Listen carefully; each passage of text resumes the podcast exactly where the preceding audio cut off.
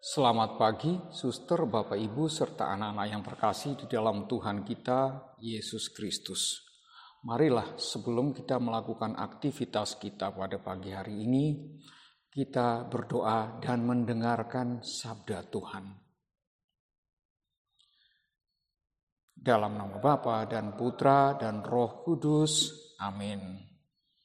Allah Bapa yang Maha Kasih, Allah yang Maha Murah, Allah yang maha setia dan Allah yang maha pelindung, kami mengucap syukur kepadamu, Bapa, Putra, dan Roh Kudus, yang telah melindungi kami, menjaga kami selama semalam hingga pagi hari ini, dan hari ini kembali kami kau segarkan. Bapa yang maha kasih, berkatilah semua kegiatan dan aktivitas kami sepanjang hari ini. Semoga apa yang kami lakukan selalu dalam naunganmu, dalam bimbinganmu. Marilah kita mendengarkan bacaan Injil pada pekan kedua masa Advent. Inilah Injil Tuhan kita Yesus Kristus menurut Santo Lukas. Dimuliakanlah Tuhan. Lukas bab 1 ayat 26 sampai dengan 38. Dalam bulan yang keenam, Allah menyuruh malaikat Gabriel pergi ke sebuah kota di Galilea bernama Nazaret kepada seorang perawan yang bertunangan dengan seorang bernama Yusuf dari keluarga Daud. Nama perawan itu Maria. Ketika malaikat itu masuk ke rumah Maria, ia berkata, "Salam, Hai engkau yang dikaruniai, Tuhan menyertai engkau. Maria terkejut mendengar perkataan itu, lalu bertanya di dalam hatinya, "Apakah arti salam itu?" Kata malaikat itu kepadanya, "Jangan takut, hai Maria, sebab engkau beroleh kasih karunia di hadapan Allah."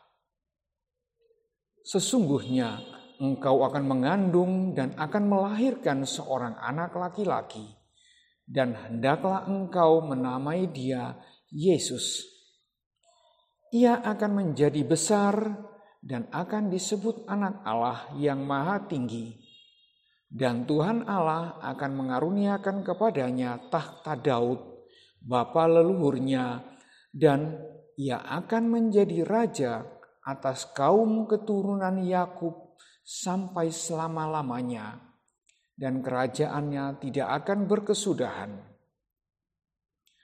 Kata Maria kepada malaikat itu, "Bagaimana hal itu mungkin terjadi? Karena aku belum bersuami."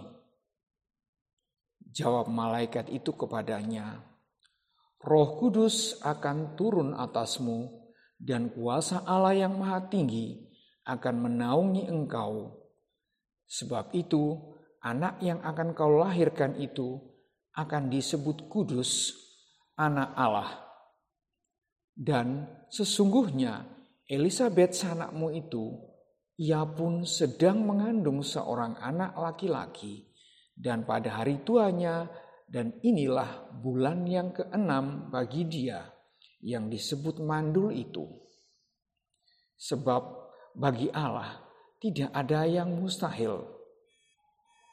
Kata Maria, sesungguhnya aku ini adalah hamba Tuhan. Jadilah padaku menurut perkataanmu itu. Lalu malaikat itu meninggalkan dia. Demikianlah sabda Tuhan. Terpujilah Kristus. Suster, Bapak Ibu, serta anak-anak yang terkasih di dalam Tuhan. Pada mulanya, manusia hidup di Taman Eden dengan suasana damai, sejahtera, nyaman, dan akrab dengan Sang Pencipta. Namun, suasana itu rusak karena ketidaktaatan manusia. Akibatnya, manusia mengalami penderitaan, dan harus bersusah payah bekerja mencari nafkah. Kejatuhan manusia dalam dosa membuat hubungan manusia dengan Allah dan hubungan antara sesama manusia serta dengan alam tidak harmonis. Meskipun demikian, Allah tetap mengasihi manusia dan menghendaki supaya manusia mengalami keselamatan. Kasih Allah memuncak dan sempurna dalam kehadiran, karya, penderitaan, wafat, dan kebangkitan Yesus. Suster, Bapak, Ibu, serta anak-anak yang terkasih di dalam Tuhan. Hari ini gereja merayakan Maria dikandung tanpa noda. Pergumulan yang dialami Maria tentu saja sangat berat. Bisa dibayangkan seorang perawan yang belum menikah, kemudian disuruh hamil. Nah, apa yang terjadi dengan hukum orang Yahudi?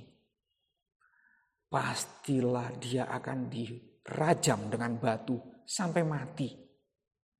Wah ini ngeri. Sangat-sangat menakutkan. Tetapi Maria percaya bahwa ini adalah kehendak Tuhan dan Tuhan tidak akan meninggalkan dia. Maria pasrah. Maka dia mengatakan, terjadilah padaku menurut kehendakmu. Di dalam pergumulan yang berat ini, Maria tetap taat pada kehendak Allah. Suster, Bapak, Ibu, serta anak-anak yang terkasih.